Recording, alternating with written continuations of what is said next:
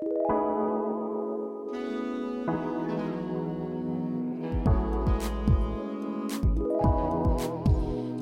och välkomna till ett nytt avsnitt med Angeredspodden och vi har med oss ingen mindre än Ali Selim. Välkommen!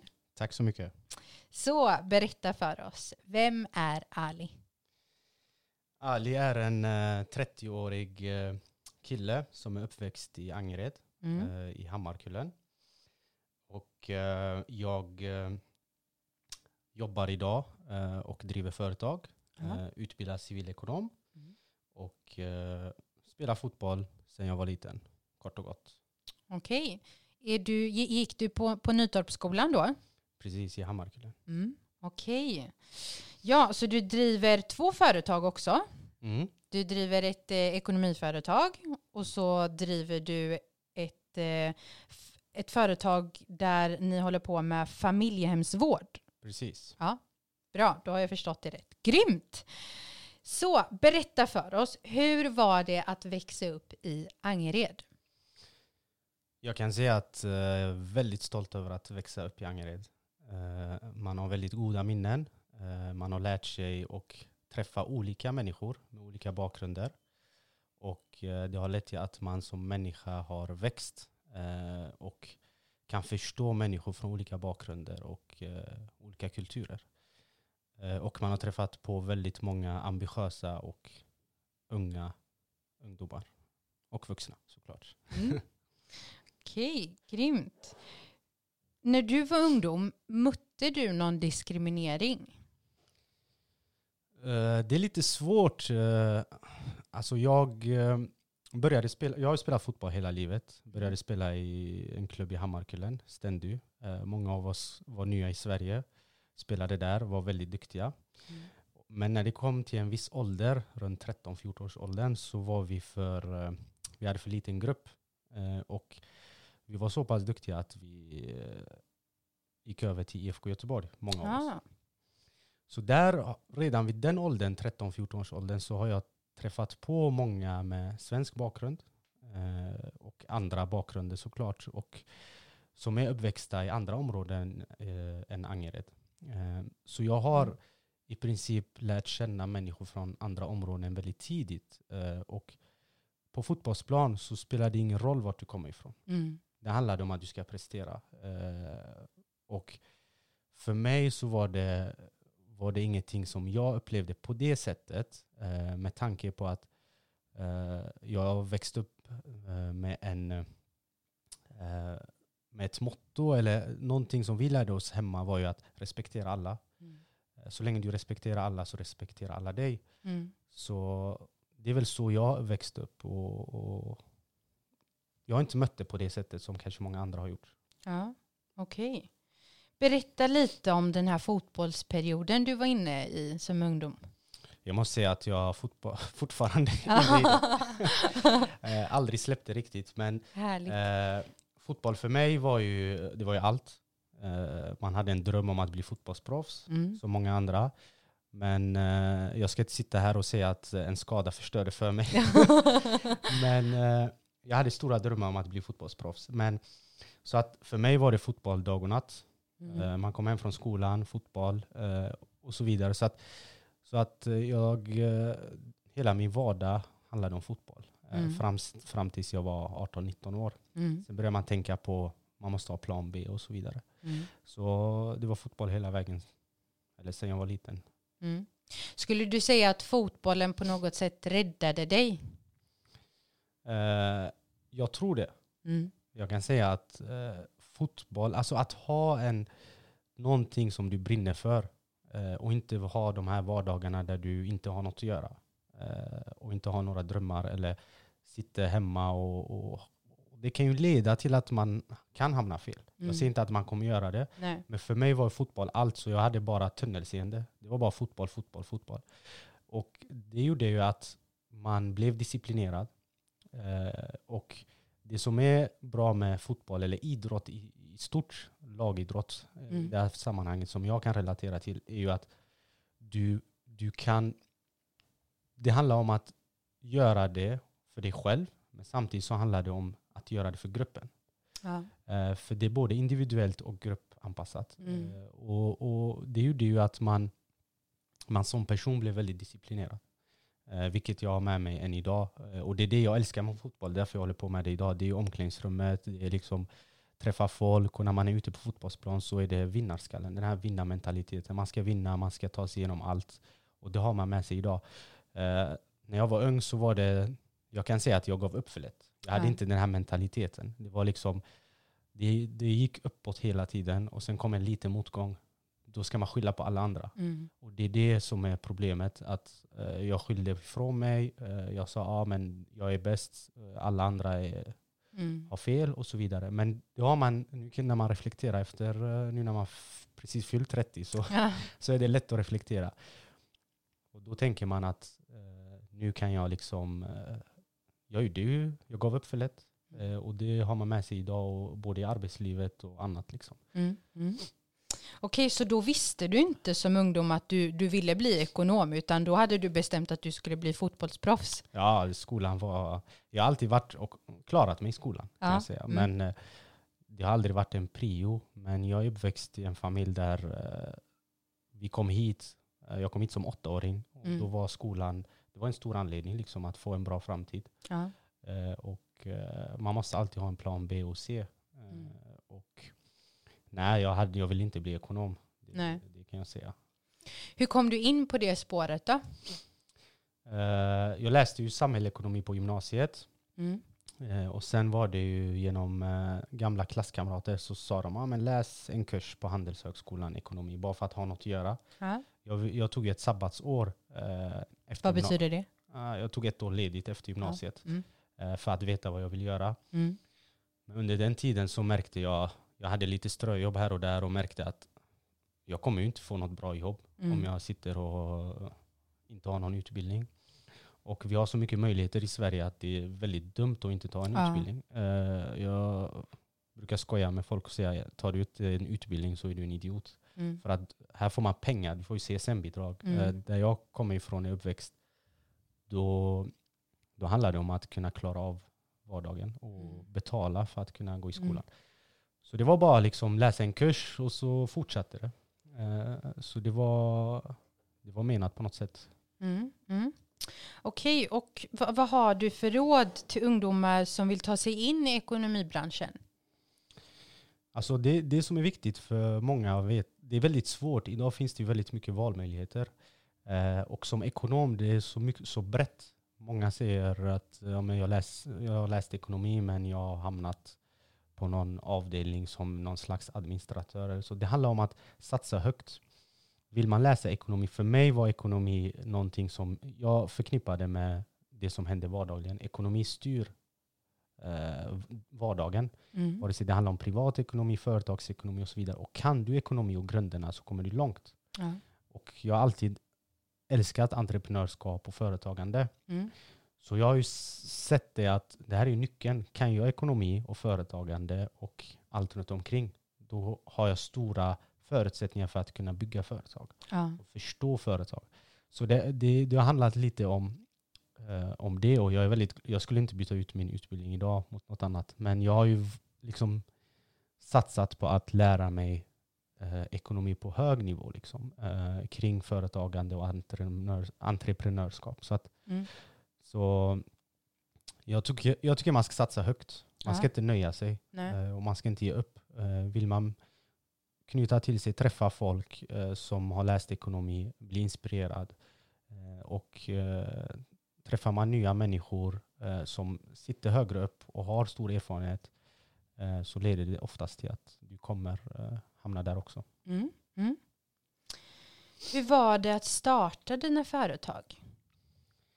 Eh, För mig var det, det som var roligt var ju att det var, det var inte planerat. Jag hade ju första företaget som hette Caria då, som är inom familjehemsvård, eh, startade vi för eh, ungefär fem år sedan.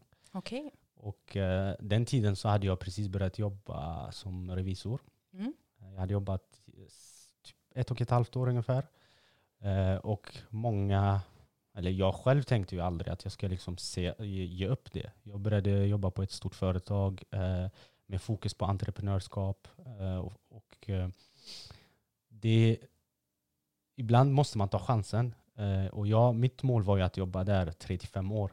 Eh, och ett tips för alla som läser ekonomi, satsa på att kanske börja jobba som revisor. Ja. För du lär dig så mycket. Mm. Och sen kan man bestämma vart man går vidare sen. Eh, men för att gå tillbaka till din fråga var ju att det var inte planerat, men jag har alltid varit en sån person. Men är det någon möjlighet och ser jag det, gå in med huvudet före. liksom, Spring med ja, för jag, har ju, jag, jag tänkte så här, jag resonerar så här att jag har ju min utbildning och jag har ett bra jobb. Och jag är ung, då var jag 25 år. Tänkte, min utbildning har jag och jag kan alltid gå tillbaka det. om jag har gjort ett bra intryck på min arbetsplats. Ja. Så varför inte ta chansen nu eh, än att vänta, vänta och så ångra mig. Så jag eh, startade det samtidigt egentligen som jag jobbade som revisor. Eh, men jag märkte att tiden räckte inte till och jag sa upp mig faktiskt själv. Okej. Ja, eh, och då hade det gått lite under två år. Eh, Mm. på, min först, på mitt första jobb efter, ex, eh, ja, efter min, eh, min examen. Då. Mm. Men det var mer att eh, vi kände att vi kan det här.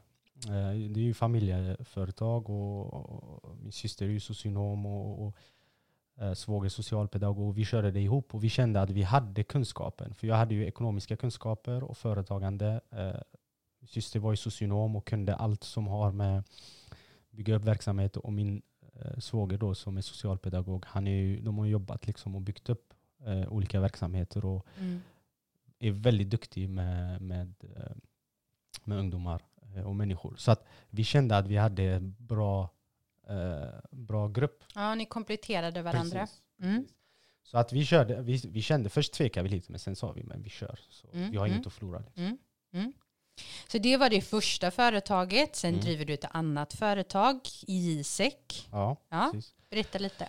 Eh, eh, kärleken till ekonomi försvann ju aldrig. Eh, även om jag sköter ekonomin på Carria och är verksamhetsutvecklare och så vidare så försvann den aldrig. Mm. Eh, och jag brinner ju lite för att eh, hjälpa andra företagare eh, och få dem att växa. Mm. Och lära känna andra företagare och eh, hjälpa dem med allt från eh, bokföring till, eh, till affärsplan till att jobba med styrelsen och så vidare. För jag, har ju, jag kände ju att jag har ju varit med och byggt upp företag och har ekonomiska kunskaperna.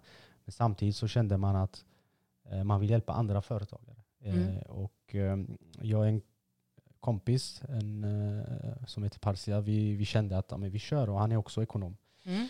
Och Så- också från Angered väl? Ja, man han är ser, från, eh, man ser. från, från Gårdsten. Så, Ah. att, eh, så han är uppväxt i Gårdsten och Frangel. Så att, så att vi kände att nej men, eh, vad, vad väntar vi på? Liksom? Det är bara att köra. Och vi startade förra året vid den här tiden ungefär. Eh, började med hemsida och logga och så vidare. Så det har ju gått bra. Och, eh, vi känner att eh, det är någonting vi kan erbjuda i branschen som eh, inte många andra kan.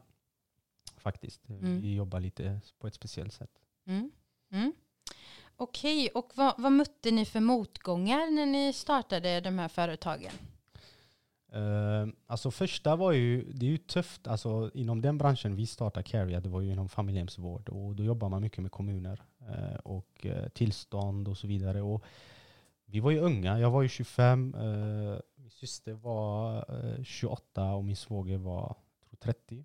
Eh, och vi var unga för den branschen. Mm. Många som är inne, inne i den branschen är väldigt mycket äldre och har mycket mer erfarenhet. Men vi, vi, vi brukar säga att vi har aldrig varit de som är bra på att sälja in oss på det sättet. Med tanke på att första gången vi ringer så är vi unga när de träffar oss och så vidare. Men vi har alltid varit duktiga på att göra jobbet. Mm. Eh, vi ville göra skillnad för barn. Vi vill göra eh, skillnad för ungdomar. Eh, och när vi har tagit oss an uppdrag så har det alltid gått bra. Och vi tror ju på det här med att kvalitet är det viktigaste. Och gör man ett bra jobb så ger det resultat till slut. Och det är det mottot vi har gått in med. Men det är klart man träffar på, man hade utmaningar och det är ju så när man startar företag. Det är, ingen, det, det är tryggt på ett sätt. Jag älskar det för att jag får bestämma över mina tider. Jag kan jobba 12 timmar utan att känna av det. Ja. Eh, Jag gör någonting för mig själv eller eh, framtiden eh, för oss själva. Liksom. Och ser man liten utveckling så får man motivation till att jobba ännu mer. Så det är klart, det finns ju alltid upp och nedgångar, men jag tror om man tror på sin idé Eh, om man jobbar med att göra ett bra jobb så ger det alltid resultat. Så Mm, det är det mm. man måste ha med sig när man startar företag. Mm. Okej, och vad har du för tips till de som vill starta eget? Du var lite inne på det. Ja, tipset är väl att eh, alltid se till att eh, vara tydlig med vad man vill. Varför startar man företaget? Eh, ställa de här frågorna till sig själv. Eh, vad vill vi uppnå? Varför startar vi företag? Eh, vad vill vi vara om ett år, om fem år? Och ha tålamod. Och tror ni på idén eh, och det ni vill göra så, så, så kommer det aldrig, aldrig eh, bli dåligt. Eh, även om det skulle gå åt eh, vi ska ju inte prata i de termerna om att det skulle inte gå bra, men man ska alltid känna att man har gjort sitt bästa.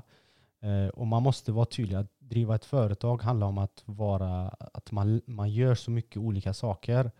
Eh, och därför måste man vara väldigt tydlig med de man startar med och, och vad man vill göra och vad man vill uppnå. Så att eh, så det är de, det, är då- det, annars är det bara att köra på. Liksom. Eh, Mm. Många är ju rädda, liksom, starta företag. Oj, vi träffar ju väldigt många nyföretagare på JSEC där. Och vi försöker, jag säger till alla, kör på. Var inte rädd, vi finns här och, och hjälper er. Liksom. Och man ska aldrig vänta för länge heller. Ser man möjligheten, ta den. För Mm. någon annan kommer göra det imorgon. Mm, Eh, Och då mm, kommer du säga, oj jag tänkte på det här, men mm. det kan vara för sent. Okej, så på JSEC, mer än att sköta företagsekonomi så, så stöttar ni även entreprenörer? Ja, Ja. Vi, vi, vi gör ju allt egentligen. Jag kan säga att vi, vi brukar säga att vi, vi, är, vi, kallas, vi kallar oss själva för ISEC, eller företaget heter ISEC Ekonomipartner och vi vill ju att man ska vara som partners. Mm.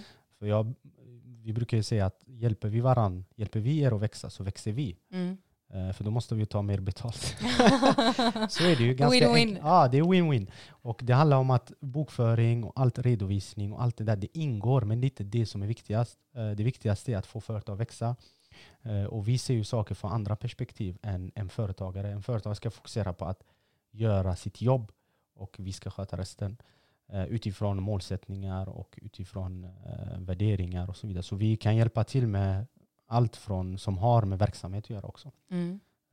Så, så vill man starta och så, så är det bara att kontakta oss. Mm. Och då, ni finns på Instagram, JSEC heter ni där. Ja. Mm. Gisek understreck ekonomipartner. Grymt, så följ dem om ni inte gör det.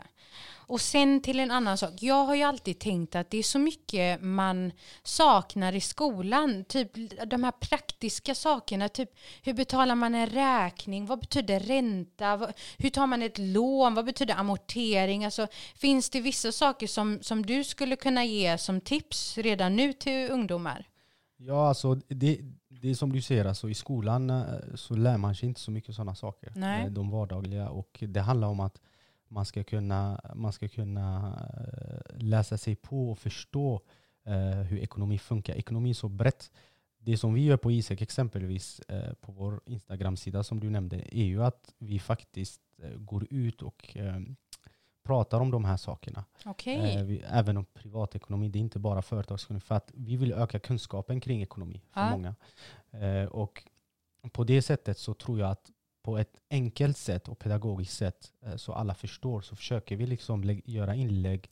Vad betyder liksom de här sakerna som du tar upp? Eh, och vad innebär det? Eh, så, eh, så det handlar också om att visa intresse själv. Alltså idag har vi ju allt på nätet eh, på Google och du kan ju liksom söka på allt som har med ekonomi att göra och lära dig om det. Och jag, jag är en sån person som, och jag skulle rekommendera att många träffar människor som kan det här.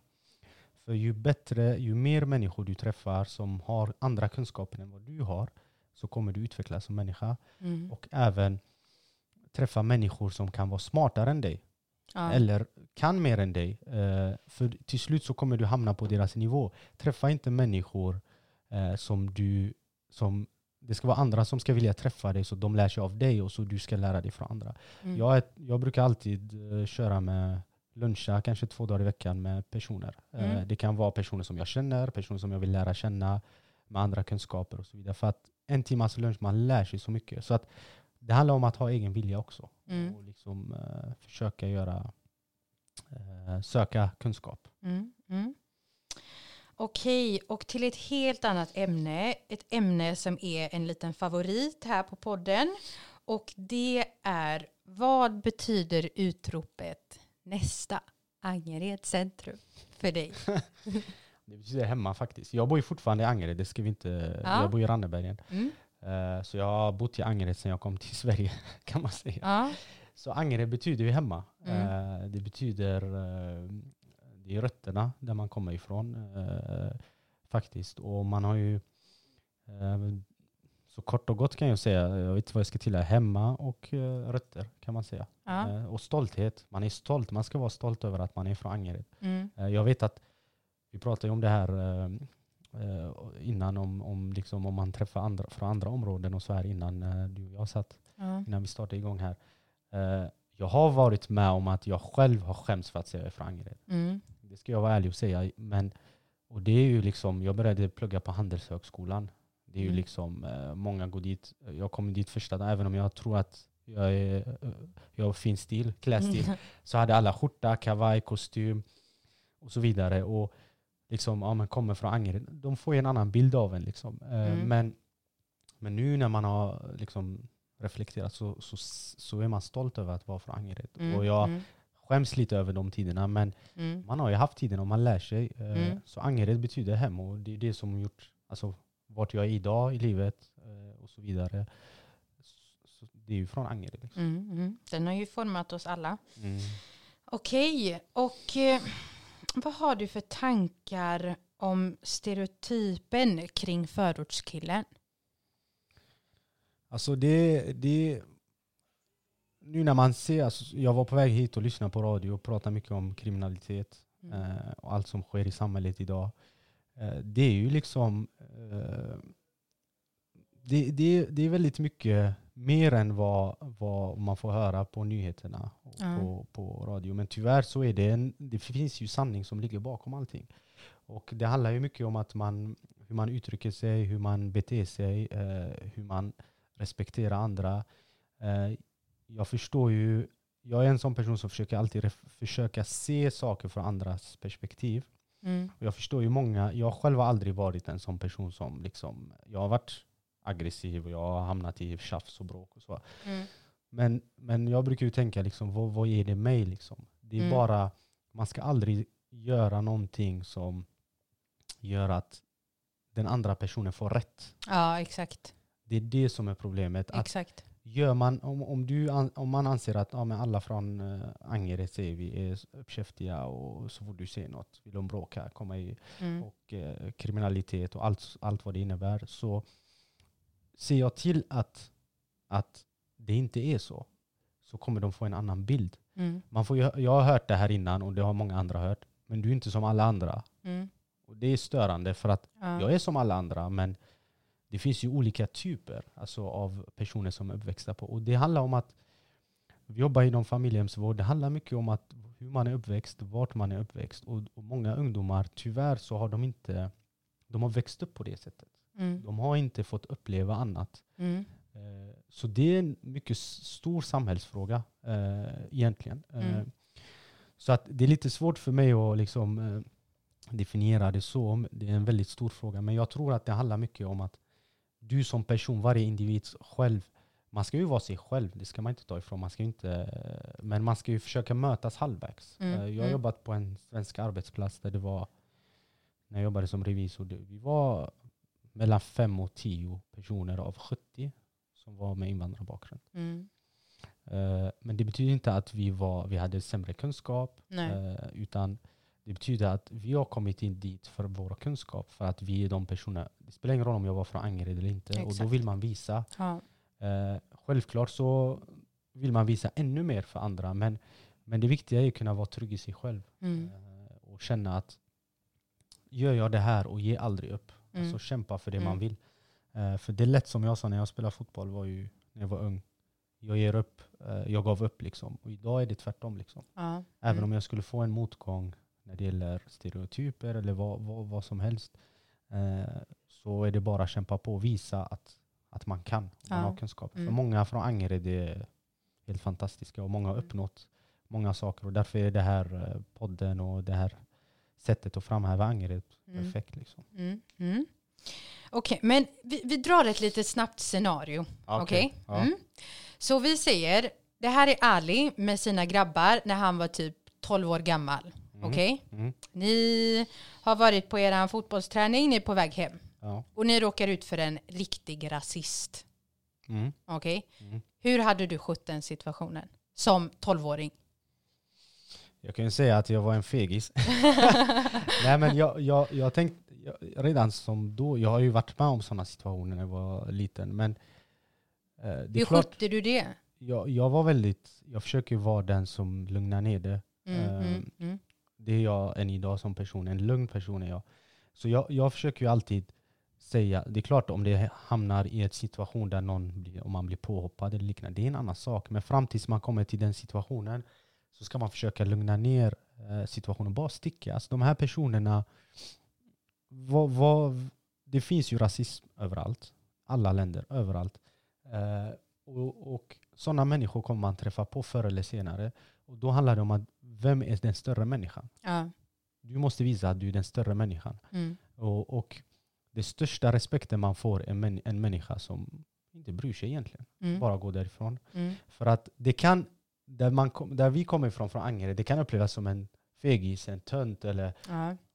du står inte upp. Men det handlar egentligen inte om det. Det handlar Mm. inte om att göra andra nöjda. Det handlar Mm. om att du själv ska gå därifrån med gott samvete och bara skita i det. Ja. Så man ska aldrig tänka på att göra andra nöjda, utan gör dig själv nöjd, din familj eh, och tänka på konsekvenser. Vad kan hända om jag slår till den här, pojk, den här Ja. killen? Ja. Ja. Men den tiden spelade jag fotboll och tänkte, eh, 12 år spelade jag inte i IFK, men hade jag spelat i IFK och slagit till någon och sen blir det bråk och så vidare och då kan de få en annan bild av det. Mm. Då, då bekräftar jag det de tror, Mm. Mm. om det är det de tror. Man ska inte heller utgå från att alla tror att Mm. alla från Angered är problematiska. Så att så jag hade nog eh, agerat på det viset. Eh, Mm.